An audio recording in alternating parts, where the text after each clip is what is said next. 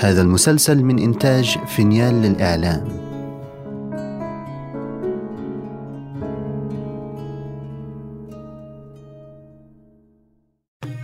كان يا مكان في بعيد البلدان. ملك يسهر ولا ينام إلا على قصص الإنس والجان.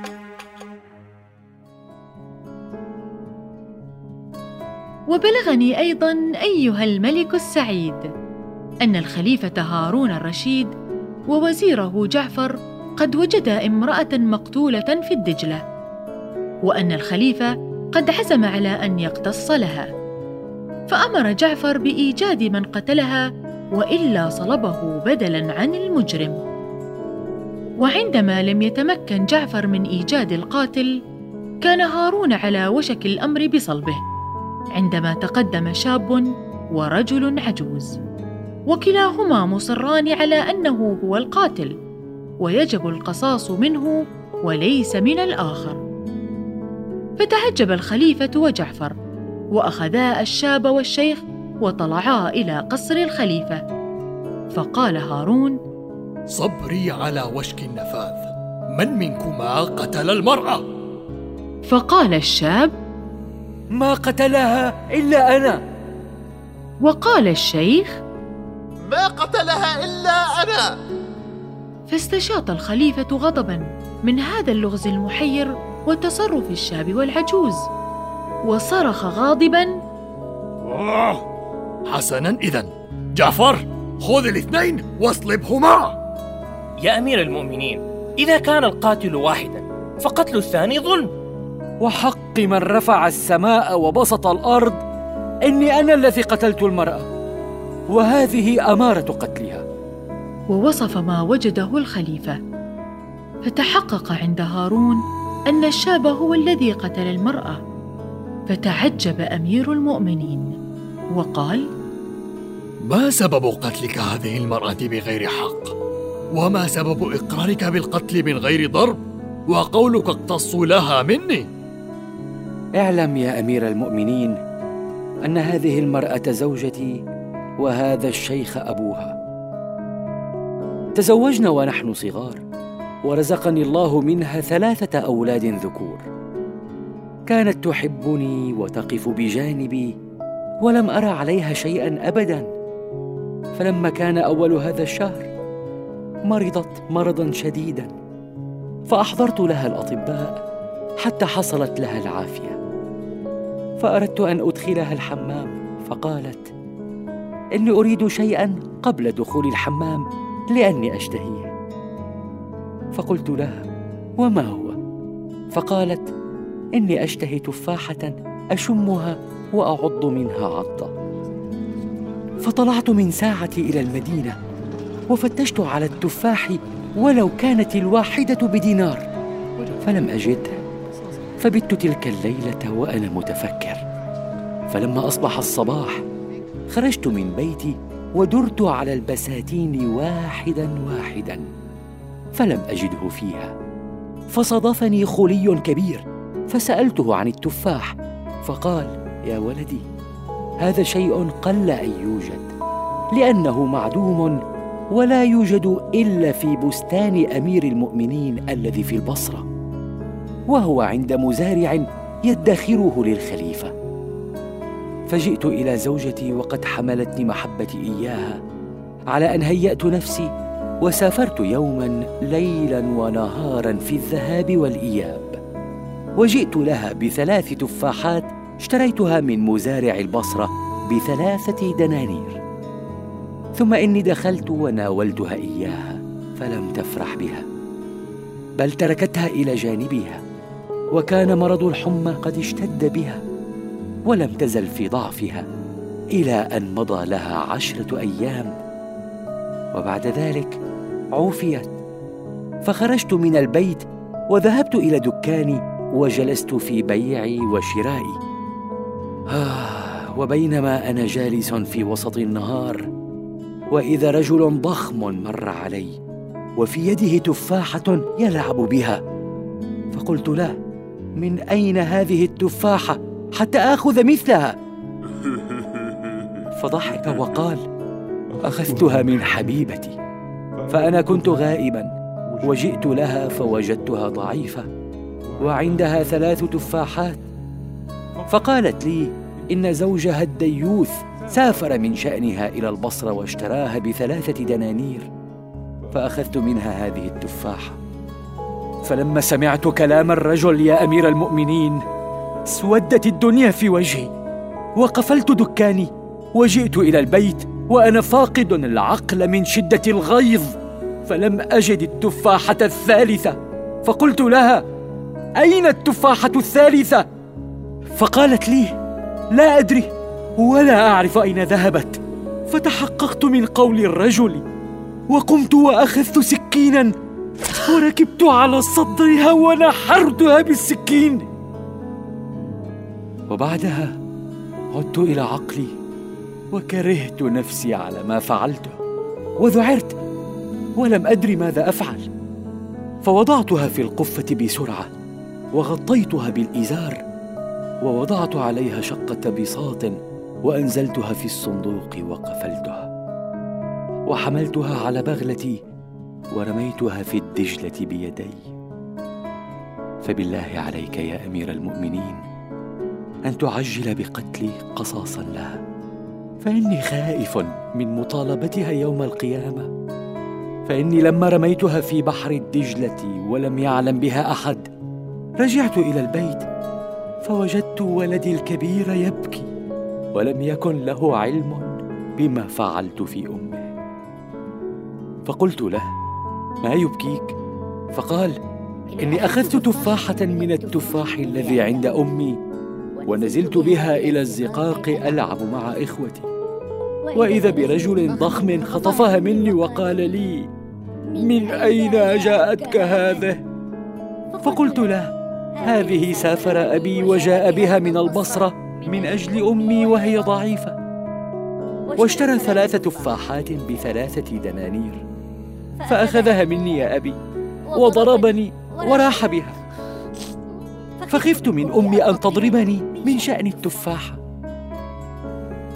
آخ فلما سمعت كلام الولد علمت أن الرجل الضخم هو الذي افترى الكلام الكذب على زوجتي وتحققت أنها قتلت ظلما. ثم إني بكيت بكاء شديدا. واذ بهذا الشيخ وهو والدها قد أقبل فأخبرته بما كان فجلس بجانبي وبكى معي. ولم نزل نبكي إلى نصف الليل وأقمنا العزاء خمسة أيام ولم نزل إلى هذا اليوم ونحن نتأسف على قتلها. فبحرمة أجدادك أن تعجل بقتلي وتقتص مني. فلما سمع الخليفة كلام الشاب تعجب وقال: والله لا أقتل إلا الرجل الخبيث الذي فعل بكم هذا. ثم التفت إلى جعفر وقال له: أحضر لي هذا الرجل الخبيث الذي كان سببا في هذه القضية. وإن فشلت في إيجاده فأنت تقتل عوضا عنه يا جعفر، فتكون قد منعت العدالة. فنزل جعفر من القصر وهو يبكي ويقول في نفسه من أين أحضره؟ فلا كل مرة تسلم الجرة وليس لي في هذا الأمر حيلة؟ والذي سلمني في الأول يسلمني في الثاني. والله ما بقيت أخرج من بيتي ثلاثة أيام والحق سبحانه يفعل ما يشاء. ثم أقام في بيته ثلاثة أيام وفي اليوم الرابع أحضر القاضي وأوصى وودع أولاده وبكى. وإذا برسول الخليفة أتى إليه وقال له إن أمير المؤمنين في أشد ما يكون من الغضب وأرسلني إليك وحلف أنه لا يمر هذا النهار إلا وأنت مقتول إن لم تحضر الرجل الكاذب. فلما سمع جعفر هذا الكلام بكى هو وأولاده.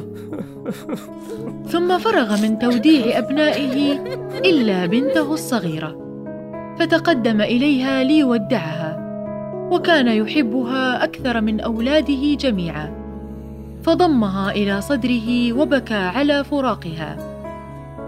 فشعر في جيبها شيئا مكببا. فقال لها ما الذي في جيبك؟ فقالت له تفاحة جاء بها خادمنا ريحان ولها معي أربعة أيام وما أعطاها لي حتى أخذ مني دينارين. فلما سمع جعفر بذكر خادمه ريحان الذي كان رجلا طويلا ضخم البدن والتفاحة فرح وقال يا قريب الفرج أنقذتني من الهلاك! ثم إنه أمر بإحضار الخادم ريحان فحضر. فقال له من أين هذه التفاحة؟ آه آه يا سيدي من مدة خمسة أيام كنت ماشيا فدخلت في آه بعض أزقة المدينة فنظرت صغارا يلعبون ومع واحد منهم هذه التفاحة ف... فأخذتها منه هل أعطاك إياها؟ تردد ريحان للحظة لأنه لم يجرؤ على الكذب على جعفر وشك أنه لن يفلت بكذبه. فقال خ... خطفتها منه يا سيدي. ضربته وأخذتها فبكى وقال هذه لأمي وهي مريضة واشتهت على أبي تفاحا فسافر إلى البصرة وجاء لها بثلاثة تفاحات بثلاثة دنانير. فأخذت هذه ألعب بها ولم ألتفت إليه بل مضيت على طريقي. لماذا خطفتها منه؟ لأنني لأنني أردتها يا سيدي. ولم أظن أن ولدا صغيرا سيحاسبني. وماذا فعلت بعد ذلك؟ أخذتها وجئت بها إلى هنا. فأخذتها سيدتي الصغيرة. بل بعتها لها بدينارين. نعم يا سيدي.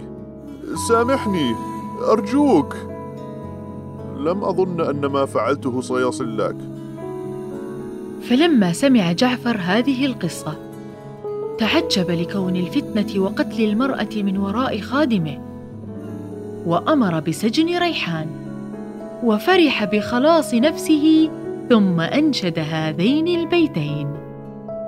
وما كانت دريته بخدم فما للنفس تجعله فداها فإنك واجد خدما كثيرا ونفسك لم تجد نفسا سواها.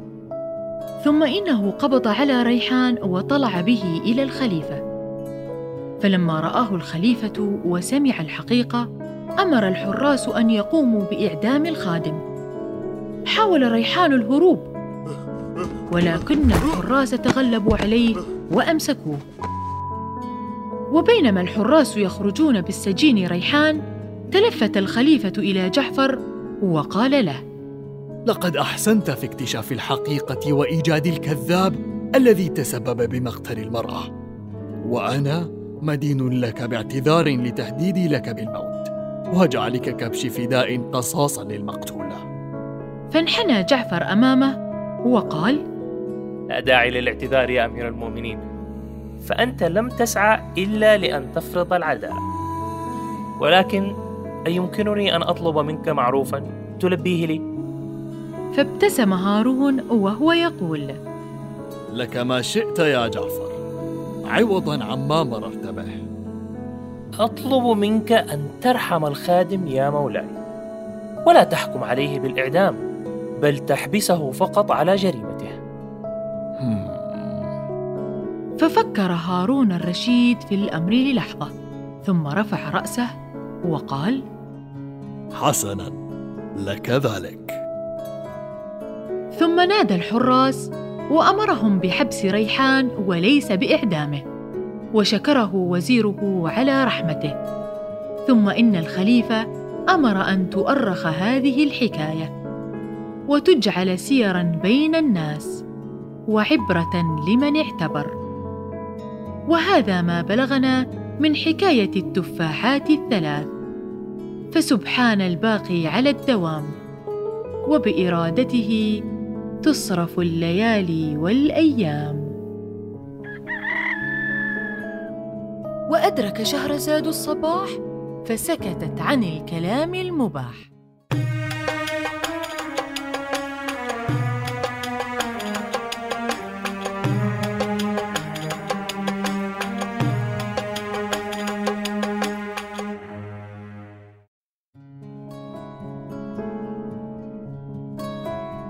إذا استمتعتم بهذه الحلقة لا تنسوا الاشتراك لبث المسلسل ومتابعتنا على جميع منصات السوشيال ميديا. التفاصيل في وصف الحلقة.